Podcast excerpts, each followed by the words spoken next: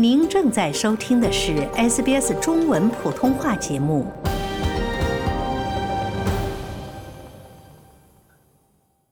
各位听众，大家好，我是 Lauren 陈龙。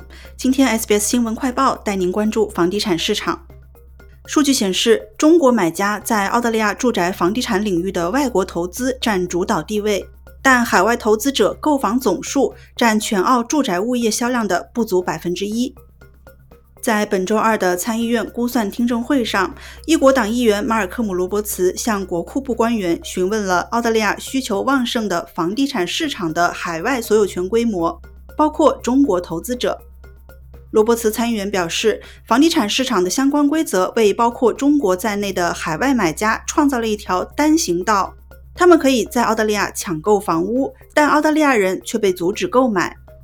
他说：“对于外国人来说，这是一条单行道。澳大利亚人无法在自己的国家购买房产，但海外投资者可以在我们的国家购买。”国库部外国投资部门的西蒙赖特在听证会上表示，该部门了解相关关切，但税务局的官方数据证实这些担忧被过分渲染了。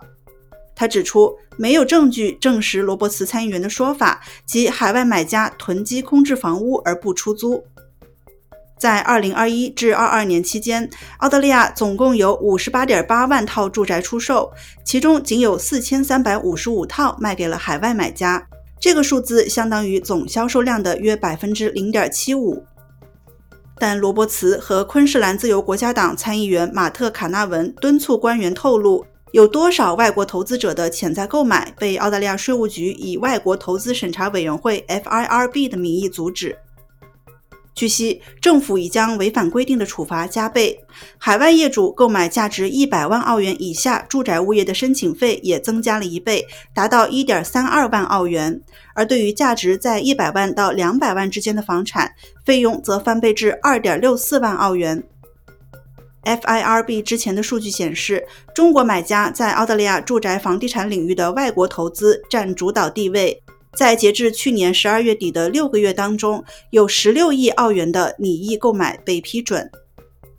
在今年解除新冠限制并恢复中国留学生赴澳后，购房需求被认为会有更强劲的增长。按数量和价值计算，中国是住宅房地产投资提案数量和价值最大的来源地，达到六亿澳元。今年迄今为止，住宅投资总额已经超过了2021至22年和2020至21年的一半，而当时还存在疫情、旅行限制。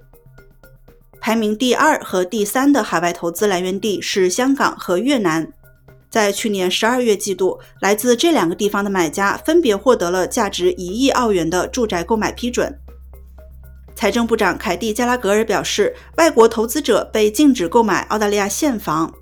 居住在澳大利亚的临时居民可以购买现有住房，而海外公民可以在申请获得许可后购买新建住房。这是为了鼓励新房屋的建设而制定的政策设置。加拉格尔参议员说：“我们是一个开放的国家，依赖外国投资。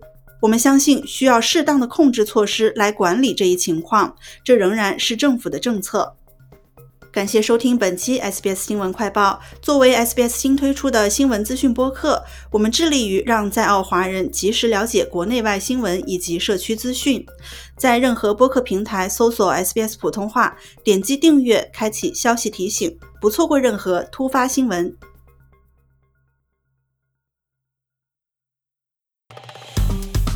喜欢、分享、评论。